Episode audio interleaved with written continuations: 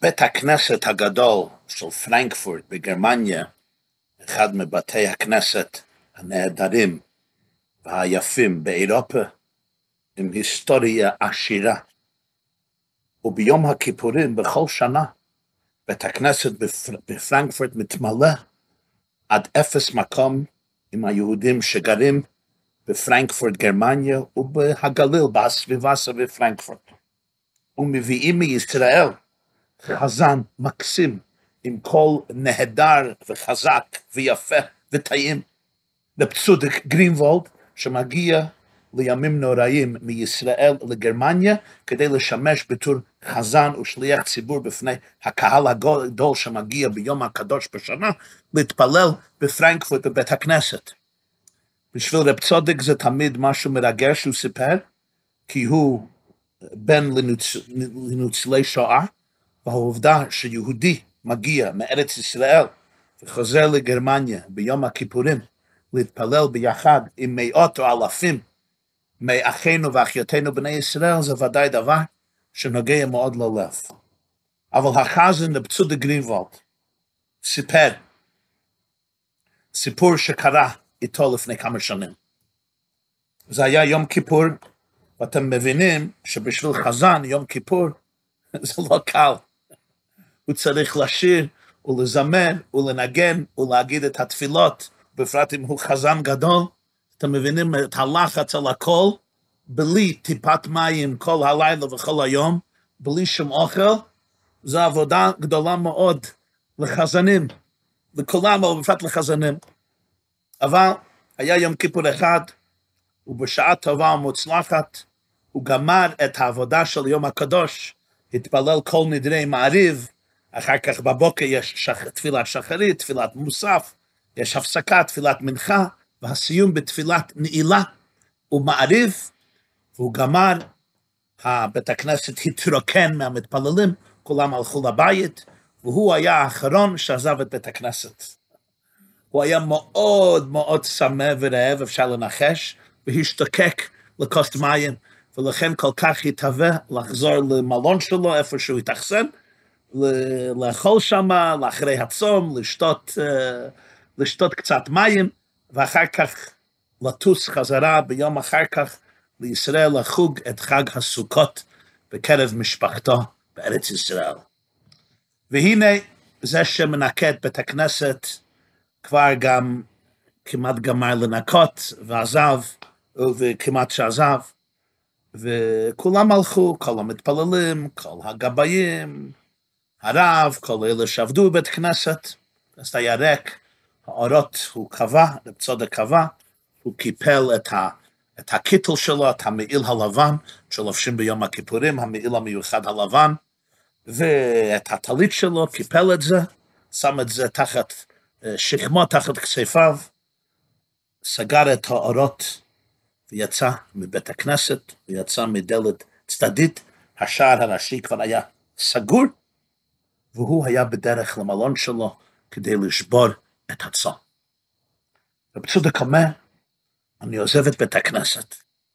פתאום אני רואה יהודי, מישהו שנראה יהודי, כמו בגיל 60, 55, 60, והוא מגיע מול השער של בית הכנסת. והוא רואה אותי, הוא רואה רב צודק והוא פונה אליי ביידיש, בשפת יידיש, ככה מעולה קצת בגרמנית, יידיש, מגיע מגרמנית, זה יידיש מעולה בגרמנית. Für was seinen die Teuren vermacht? למה השער הגדול של בית הכנסת סגור ומסוגר? למה? צודק אומר, אמרתי מילה.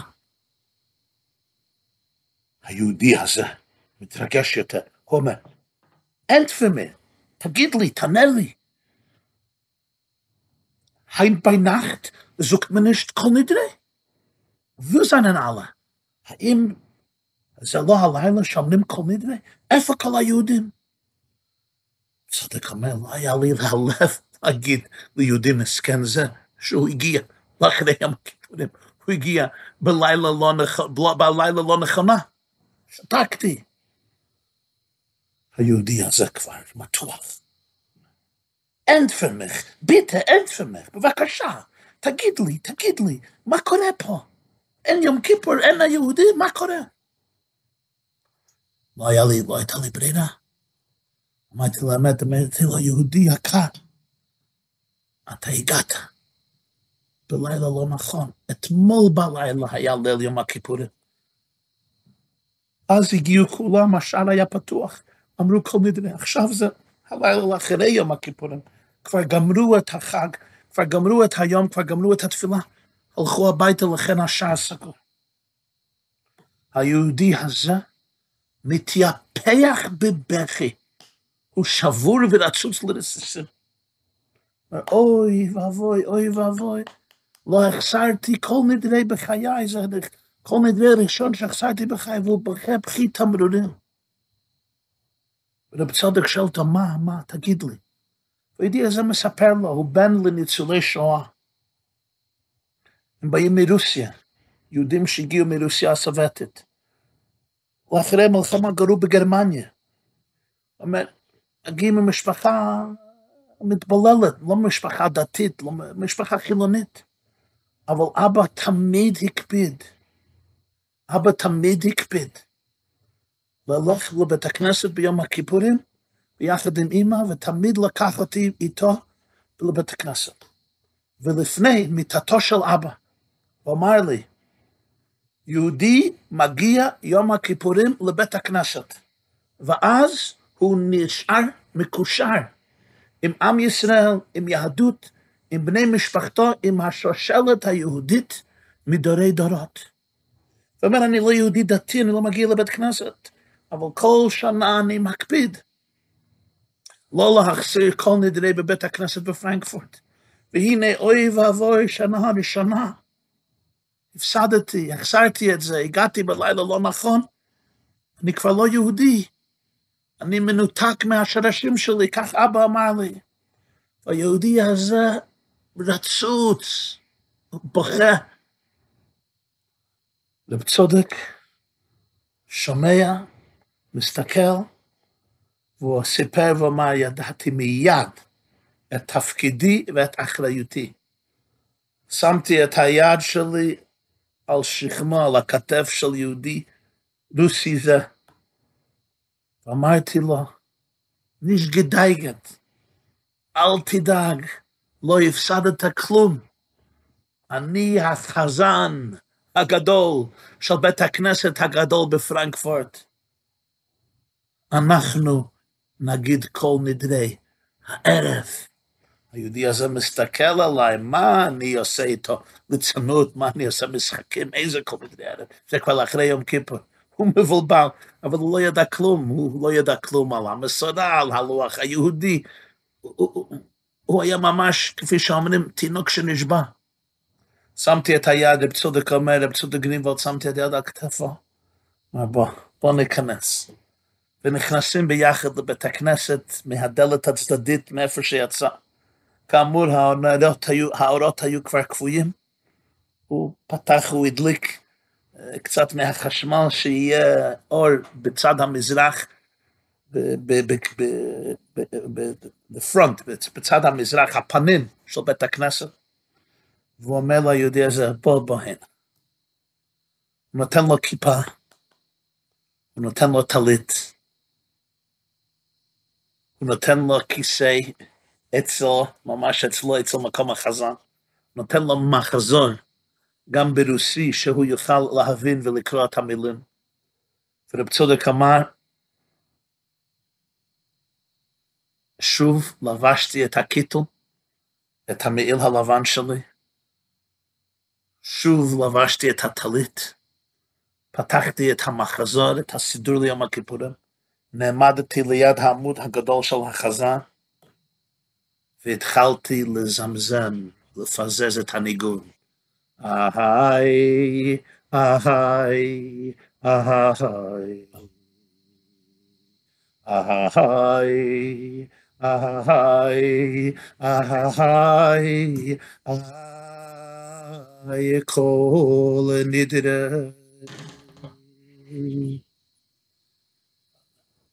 כבר לא הרגשתי את הצמאון שלי, כבר לא הרגשתי, הרגשתי את הרעבון שלי. כבר לא הרגשתי את העייפות שלי, הייתי עייף ומותר שלא הרגשתי. ראיתי את הפנים היהודי הזה, הפנים האירו באור רוחני, איזה קסם, איזה הילה, הילה פנימית, נפשית, הקיפה אותה. ראיתי את המנוחת הנפש שלו, הוא הרגיש שהוא חזר לנפשו, לשרשיו, לבית אבא, לאמא, סבא, סבתא, סבא רבא, סבתא רבא, עד משה רבנו, עד אברהם אבינו. הוא אומר, זה היה סוריאל, זה היה כאלה, מחזה סוריאלי, מחזה לא מעולם הזה. לא היה אף יהודי בבית כנסת. כל הכיסאות היו ריקים. הוא אומר, אני אגיד לך באמת, בדרך כלל כשחזן מנגן ושר ומזמר, בוודאי, החזן הוא אותנטי, אבל סוף סוף רוצים להאשים את הקהל, כן? רוצים להאשים את הגבאים ואת הנשיאים ואת הרבנים, ועיקר את, ה... את התורמים. אני רוצה שיזמינו אותי שוב. זה חלק מהאגנדה, אני רוצה להיות מוצלח. אבל פה לא היה אף אחד להאשים. הרגשתי שזה רק אני והוא ואלוקים. שלושה שותפים, רק זה. ואומר, ניגנתי כל נדרי באותו ערב, אחרי יום הכיפורים, כפי שלא ניגנתי מעולם. הגשתי ביהודי זה את כל הסיפור העוצמתי והטרגי, את הסיפור הנהדר והאצילי והמלכותי, וגם הכל כך כואב והמיוסר של העם היהודי. היהודי הזה חייב, גילמו בתוכם את הנרטיב של כנסת ישראל, של עם ישראל לדורותיו. בפרט לאחרי החורבן. פרצתי בבך, פללתי עם כל הלב, הגשתי את הנוכחות של הקדוש ברוך הוא, בתוך התפילה שלי, בתוך בית הכנסת הריק. והגשתי שאני לא רק מנגן עבור יהודי זה, אני מנגן כאילו עבור היהודים בכל הדורות כולם, משהו נפתח בלב, אתם יודעים לפעמים, יש איזה, איזה דם, איזה סכר שמעלים על המים וזה נפרץ, וזה נפרץ, והדמעות ניגרו. שפכי חמיים ליבך נוכח פני השם. זו הייתה החוויה. גמרתי כל נדרי פעם אחת, ניגנתי את זה פעם שנייה, ניגנתי את זה פעם שלישית. על דעס עמוק, על דעת הקהל בישיבה של מעלה, בישיבה של מעלה, אנו מתירים להתפרר מהוויינה. נדרנו לא נדרי וסרנו לא אסורי היי היי היי היי היי היי היי היי היי היי היי היי היי היי היי ay ay ay ay ay ay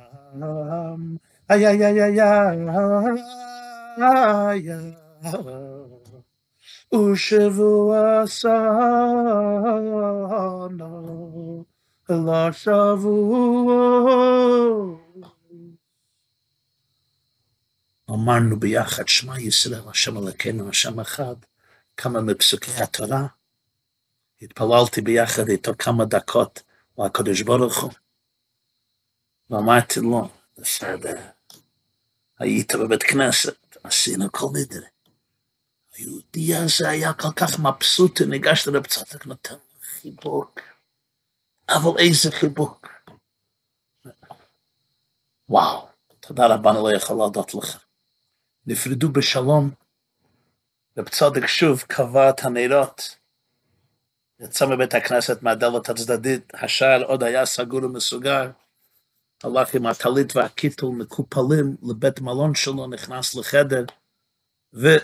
שבר את הצום, אכל את סעודתו, שתה את המים שלו, בשעה טובה מצלחת חזר לארץ. זה סיפר שנתיים אחר כך ביום הכיפורים. זה כבר בליל יום הכיפורים, בזמן כל נדרי האותנטי, כולם הגיעו, ופתאום הוא ראה את היהודי שלו מרוסיה. די הזה ניגש אליו, נתן לו חיבוק, ואומר, אתה זוכר אותי? תגדנקס מי? ודאי אני זוכר אותך. אבל אתה אף פעם לא תדע מה עשית לי. החזרת את נשמתי אליי, הענקת לי את זהותי, הפגנת לי שאני לא מנותק מעצמי, מבית אבא, מבית אימא, משורשיי. ורב צודק אומר, בכל שנה ושנה מגיע לפרנקפורט, הוא מנגן כל נדרי, הדמעות שוב מפלצות, כי אצלו הוא הולך חזרה, הוא חוזר בדמיונו, במוחו ובליבו לאותו כל נדרי, שלא היה אף אחד בבית הכנסת חוץ מהיהודי הזה. והוא זוכר את ההתרגשות, את הדבקות, את האמיתיות של אותו רגע, גם שזה טכני לא היה יום הכיפורים, זה כבר היה לאחרי יום הכיפורים. אני אוהב כל כך את הסיפור הזה, כי אני לא זה לא, כי אני רואה את זה לא רק סתם בתור סיפור מרתק ומרגש ויפה, אלא גם סיפור שמגלם באמת מה שעובר אצל הרבה מאיתנו ביום הכיפורים. הרי הרבה מאיתנו מגיעים לבית הכנסת ומוצאים שהשער סגור.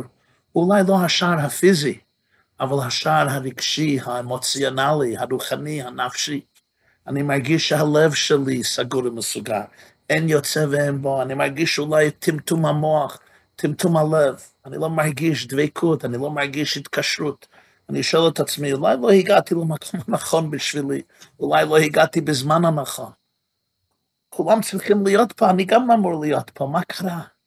למה יש הבידוד הזה? למה יש הרגש שאני מנותק, אני, אני מנוכר? מה שקורה ליהודי זה, זה לא קורה לכל כך הרבה מאיתנו. מגיעים אולי בלילה הנכונה, מגיעים למקום הנכון, מגיעים בזמן הנכון, אבל מרגישים שמבחינה רוחנית, מבחינה רגשית, אני לא יכול להתקשר. משהו חסר בתקשורת, משהו לא עובד. אנחנו שואלים על עצמנו, אני עשיתי הרבה טעויות בחיי. אני שיקרתי, אני הכחשתי, אני אשמתי, אני בגדתי, אני עשיתי דבר זה, אני עשיתי, אולי עשיתי טעויות בשלום בית שלי, אולי עשיתי טעויות בחינוך הילדים שלי, בחינוך הילדות שלי. אולי לא הבנתי את עצמי, אולי אני יודע איזה טעויות עשיתי בחיי. אני כבר מנותק. אבל רב צודק הבין, הוא הבין טוב מאוד את המהות של יום הכיפורים. והוא נתן ליהודי זה מה שכל אחד מאיתנו צריך להבין ולחוות ולהרגיש. אין דבר כזה שהגעת מאוחר. אין דבר כזה שהשער סגור ומסוגר בשבילך, זה לא צודק ולא נכון. אבל למה לא? למה לא? אולי זה כן סגור, אולי אני כן מנותק. אז אני לא רוצה להסביר את זה בעצמי. אני רוצה להעניק הזדמנות לנשיא ארצות הברית, ביל קלינטון, שהוא יסביר את זה. סיפור ששמעתי מהאיש בכבודו בעצמו. יש יהודי אמריקאי, מנהיג רוחני של קהילה, שמו מייקל פיילי, מיכאל פיילי. אני דיברתי איתו בטלפון לפני כמה שנים, הוא אישר לי את הסיפור לכל פרטיו, ואני שומע את הסיפור שלו מכלי ראשון, לא מכלי שני, לא מכלי שלישי. הוא מספר לי ככה, ומה זה היה בשנת 98, 1998, 1998, אולי בהתחלה 99, 1999. הנשיא של ארה"ב הייתה ביל קלינטון. תפסו אז ביל, ביל קלינטון במעשים מאוד לא יפים, מעשים לא צנועים, שהוא עשה בבית הלבן, וכמעט ש... כמעט שסילקו אותו מנשיאות ארצות הברית, they impeached him, כמעט. ופול הוא שרד, הוא שרד נשיאות ארצות הברית. אבל היה, הייתה סערוריה גדולה, אולי אתם זוכרים, וזה לא היה זמן קל בשבילו כמובן. היו האשמות החמורות על הנהגתו הבלתי מוסרית. הוא הגיע אז לעיר סינסנטי לפגישה עם אנשי דת בארצות הברית. כומרים, גלחים, אה, להבדיל רבנים, אישים רוחנים, אנשי רוח, מכמה דתות, מדת האסלאם, מבודהיזם, מהינדואיזם, בעיקר מהנצרות, שנפגשו עם ביל קלינטון. וגם הזמינו יהודי אחד, המנהיג הרוחני הזה, רבי מייקל מיכאל פיילי. מייקל פיילי. הוא אומר לי, אומר לי, ידעתי שתהיינה לי כמה שניות לדבר עם, עם ה president. רוב אנשי רוח עושים תמונה, עושים photo-op, עושים photo עם נשיא ארצות הברית, ותולים את זה במשרד או בבית, אני עם הנשיא. חשבתי, אני רוצה להגיד לו משהו תוכני, אני לא רוצה להגיד לו מה שכל אחד יגיד לנשיא ארצות הברית בשתי שניות, אני רוצה להגיד לו משהו שאולי הוא יזכור. כשמגיע הטור שלי, הנשיא ככה עובר מאיש לאיש, מאיש לאיש, מושיט את היד, אומר שלום, אומרים משהו לכמה שניות, והולכים הלאה. כשהנשיא עובר, עובר דרכי, הוא מושיט את היד, אני מושיט את היד, שלום, hello, pleased to meet you. נעים לפגוש את נשיא ארצות הברית, ואני אומר לו מילים אלה, אני אומר, Mr. President, כבוד הנשיא של ארצות הברית, it's time to do תשובה. You need to do תשובה. הגיע הזמן לכבוד הנשיא לעשות תשובה. כבודו צריך לעשות תשובה. ומייקל פלי אמר לי, אני רוצה להסביר לו מה זה תשובה, אמרתי לו המילה תשובה, מה זה תשובה? תשובה זה מילה בעברית, תשובה זה עברית מילה בלשון הקודש, זה לא באנגלית. באנגלית תשובה זה repentance, repentance, return. אני רוצה להגיד לו, הוא מפסיק אותי, מפסיק אותי באמצע המשפט. הוא אומר לי באנגלית, ואני אתרגם לך, הוא אומר לי, interesting, but what do you mean by תשובה? do you mean the version of tshuva of Rabbi Soloveitchik? Or do you mean the version of תשובה of Rabbi Kook? מה אתה מתכוון כשאתה אומר לי שיגיע הזמן לעשות תשובה? האם אתה מדבר על תשובה בנוסחה של הרב סולובייצ'יק, או אתה מדבר על תשובה בנוסחה של הרב קוק? מייקל פלי אומר לי, כמעט התעלפתי.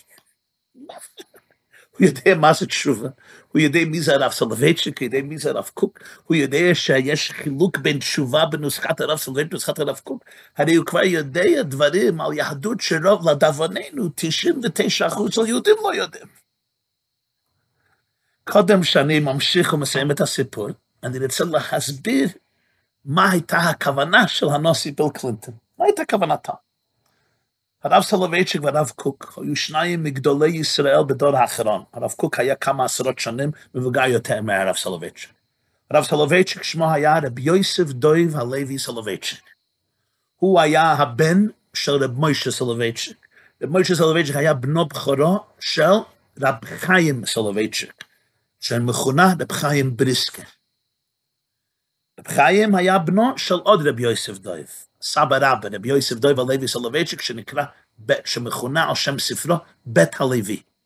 רבי יוסף דוב סולובייצ'יק גדל ברוסיה, אבא שלו היה רב בחסלביץ' ברוסיה, יצא מרוסיה, הוא הגיע לברלין, הוא למד בברלין, סוף סוף הגיע לאמריקה, הוא נעשה הרב של בוסטון, בוסטון מסצ'וסטס, ואחרי פטירת אבא שלו הוא נעשה ראש ישיבת רבנו יצחק אלחנן.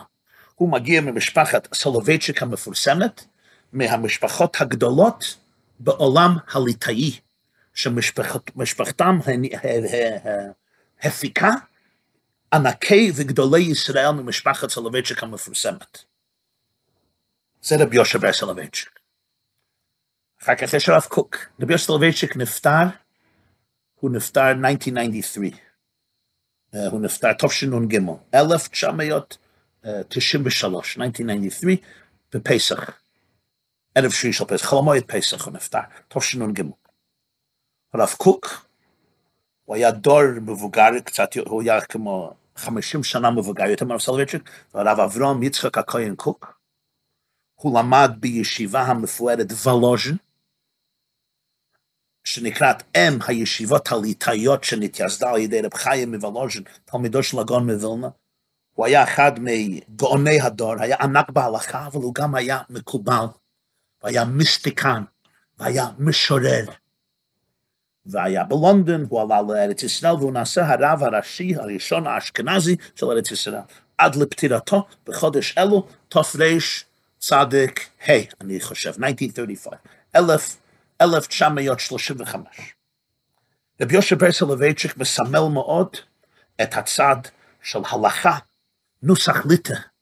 הוא היה גאון, היה גם הוגה דעות או פילוסוף, אבל השיעורים שלו היו, כמו שאומרים, בריסקר שיעורים, עם לומדות, עם לומדות וניתוח אינטלקטואלי חזק, והוא דיבר מאוד, הוא חיבר ספר שנקרא איש ההלכה לעומת איש הסוד, ושם הוא מגלם את הדמות של היהודי הליטאי איש ההלכה. הרב קוק, הרב אברהם יצחק הכהן קוק, הגם שגם למד בוולוז'ין ישיבה וליטאית, הוא היה גם מאוד מאוד uh, שקוע וטבוע בתורת הנסתר, בתורת הקבלה, בתורת החסידות. הרב סולובייצ'י גם למד המון חסידות, אבל הרב קוק כתב על זה המון, בלי גבול, מתורתו של הבעל שם טוב. וגם אני חושב שאימא של הרב קוק הגיעה מחסידים של הצמח צדק, מספרים שבעת הברית שלו, הברית מילה, אמא היא רצתה, היא שמה כיפה לבנה של הצמח צדק, אדמו"ר הצמח צדק היה האדמו"ר השלישי לבית חב"ד, נכדו של בעל התניא. שמה כיפה לבנה של הצמח צדק על הראש של הרב קוק בעת הברית מילה. שניהם כותבים הרבה על תשובה, הרב סולובייצ'יק והרב קוק. אבל לפעמים בסגנון קצת שונה. אצל הרב סולובייצ'יק, תשובה בעיקרה זה הודעה, זה הבנה כמה מושחת האדם יכול להיות. הבן אדם הוא רגיש, הבן אדם הוא פגיע, הבן אדם הוא חלש, הבן אדם יכול ליפול מהר גבוה לתוך באר שחת, לתוך מים הזידונים, ותשובה פירושה שאני צריך להבין ולאשר ולתפוס את עומק החולשה שלי, להיות פתוח, להתוודות, להתחרט על העבר, לקבל להבא לא לעשות את זה, להגיד וידוי. רצלביץ' היה מוסר כל שנה שיעור תשובה, ויש ספר מפנחס פלי על התשובה, מהשיעורים שלו. פנחס פלי אחד מהסופרים הדגולים בישראל, ו- ועל התשובה, ספר מאוד יפה ומרתק, וזה הנוסחת התשובה של סולובייץ'. הרב קוק בדרך כלל מדבר על תשובה בנוסחה אחרת. הוא מדבר על תשובה יותר בנוסחת הקבלה והחסידות. מה זה תשובה? לשוב. לשוב למה? לעצמך. המהות שלך אף פעם לא נותקה מאת הקדוש ברוך הוא. המהות שלך קדושה ומקודשת. המהות של כל נפש יהודית זה חלק אלוקה ממעל, ושם אין שייך חטאים ועוונות, ושום לכלוכים ושום זבל. הנשמה שלך טהורה, מלאה אור, מלאה תקווה, מלאה אושר, מלאה שמחה אינסופית. היא בעצם השתקפות של האור אינסוף בעולמנו, על ידה זורם, זורמת האלוקות בעולמנו. הנשמה היא תמיד תמיד מושלמת. היא לא שייכת לשום עיוות, לשום עיקום, לשום שקר, היא תמיד אחד, יחיד ומיוחד, אם השם יתברך, בלי שום פירוד, אף על פי שחטא ישראל הוא. והמצב הזה של ישראל זה שייך לכל יהודי ויהודי באשר הוא שם. כלומר, במקום הכי עמוק בנפש שלי, אין שייך שום ניתוק, אפילו אם עשית טעויות, בשוגג, במזיד, באונס, ברוצן, אבל הצד העצמותי שלי נשארת תמיד בדבקות נפלאה, מיוחדת לגמרי עם הקדוש ברוך הוא. ושם יש לי אומץ, ואין לי פחד, ויש דבקות, ויש טהרה, וזה תשובה, תשובה זה פשוט לחזור לעצמך, למקורך, לשורשך, לעצמיותך. שאל ביל קלינטון, מייקל פיילי, איזה תשובה קלינטון צריך לעשות? תשובה נוסחת הרב סולובייצ'יק או תשובה נוסחת הרב קוק? נמשיך עם הסיפור. מייקל פלי אומר לי, הסתכלתי על הנשיא קלינטון ואמרתי לו, of course I'm referring to the תשובה of רב קוק. בוודאי אני מתכוון שהנשיא צריך לעשות תשובה נוסחת הרב קוק. ביל קלינטון מתמהמה לרגע ואומר, זה מעניין מאוד, כי רוב האנשים שאני דיברתי איתם אומרים לי שאני צריך לעשות תשובה נוסחת הרב סולובייצ'יק, אבל אתה אומר אחרת, הוא אומר, כן, אני אומר אחרת.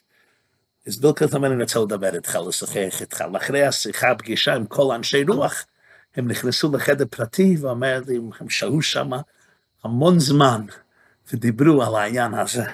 מה זה תשובה, מה זה תשובה נוסח זה, מה זה תשובה נוסח זה. אבל מזה גם הבנתי למה רב צודק גרינוולד היה כל כך צודק. בוודאי לפעמים השערים נסגרים. ודאי לפעמים אני חווה בהכרה ניתוק. אני עושה, עשיתי טעויות ואני עושה טעויות. ואני צריך לתקן אותן, ואני צריך לבקש מחילה עליהן. נוסח הרב סולובייצ'יק, כפי שהרמב"ם מעריך בהלכות תשובה, מה זה תשובה? תשובה זה חרטה על העבר, זה קבלה על הבא, זה וידוי, וזה פרוצס, זה פרוצס מאוד פגיע, מאוד רגיש, מאוד וולנבילי. אבל יסוד היסודות של תשובה זה שאף אחד ושום דבר ושום בן אדם בחייך, גם לא עצמך, יכול לחנוק, יכול לחסל, יכול אפילו לטשטש את המהות האמיתית שלך ושלך. מה זה? בונם אתם לשם אלוקיך. אתה חלק אלוקה ממעל ממש. את חלק אלוקה ממעל ממש. כמו שאף אחד לא יכול להחריב את אלוקים. אף אחד לא יכול להחליש את האומץ של אלוקים. אף אחד לא יכול לסלק מאת הקדוש ברוך הוא את השמחה, את האומץ, את התוקף, את העצמיות, את הטוב, את האהבה, את הקדושה, אף אחד לא יכול. אני השם לא שניתי, כתוב, אומר הנביא מלאכי, וגם אתם בני יעקב לא חיליתם. הפירוש זה לא רק, כפי שאמרנו, לא רק הפירוש, שאף אחד לא יכול להכחיד את עם ישראל, כמו שאי אפשר להרוג את השם. היטלר רצה להרוג את עם ישראל כי רצה להרוג את השם. אבל אתה לא תהרוג את השם, לא, תהרוג את עם ישראל, אני השם לא שניס ואתם בני יעקב לא חיליתם, אבל זה גם נכון מבחינה אינדיבידואלית, לא רק קולקטיבית, מבחינה פסיכולוגית ונפשית, אני השם לא שניתי. אף מאורע בעולם הזה בחיים לא יכול להרוג ולחסל כביכול את קדושתו, את המציאות הנצחית של אלוקים. אתם בני יעקב לא חיליתם. אפילו אם משהו קרה, אפילו אם דברים קשים קרו. ובאמת יש, יש לי פצעים, ואני נושא את הפצעים, ואני צריך לעבוד איתם. אבל אף פעם אל תשכח את האמת הצרופה והטהרה. שהמהות שלך נקייה, טהרה, זכה, קדושה, מלכותית, אצילית, לעולם לעד ולעולמי עולמים. ולכן העבודה ביום הכיפורים זה לכל הראש, תשובה, לשוב למקום האמיתי שלך, ובמקום האמיתי שלך אף פעם לא שייך אפילו ניתוק, לא שייך אפילו פירוט. זה נקרא יחידה שבנפש. יחידה שבנפש, ההגדרה שלה היא שהיא לגמרי מיוחדת עם הקדוש ברוך הוא, באחדות הכי חזקה ששייכת, כמו דבר אחד ממש. גמר חתימה טובה ושנה טובה ומבורכת לכולכם ולכל בית ישראל ולכל העולם. שלום.